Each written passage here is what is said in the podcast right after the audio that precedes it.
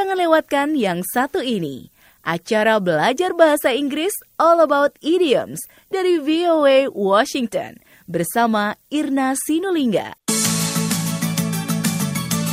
Halo dan apa kabar semua sobat VOA? Di sini saya bersama Jonathan Evans.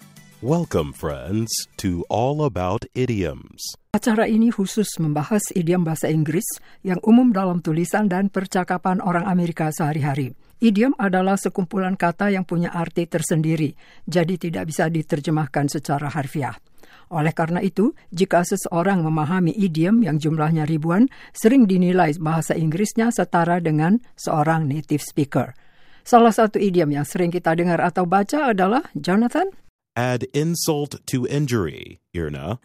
Sekali lagi, add insult to injury. Artinya, pertama, menyakitkan hati seseorang setelah mencelakakan dia, dan juga bisa berarti membuat keadaan bertambah buruk.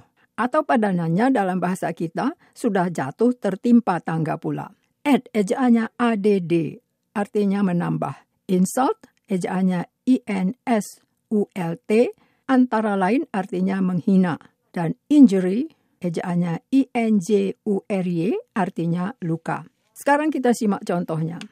Not only did the club refuse to let Jack in, but to add insult to injury, it published a list of the rejected applicants, including Jack's name. Artinya, bukan saja klub itu menolak permintaan Jack untuk menjadi anggota, tetapi yang lebih parah lagi, klub itu menerbitkan daftar semua nama pemohon yang ditolak, termasuk nama Jack. Untuk lebih jelas lagi, kita ikuti contoh kedua penggunaan idiom add insult to injury. It turned out the nearest parking space to the picnic area was a mile away.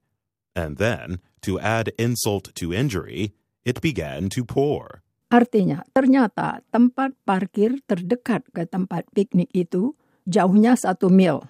Dan kemudian yang lebih memperburuk keadaan, turun hujan lebat.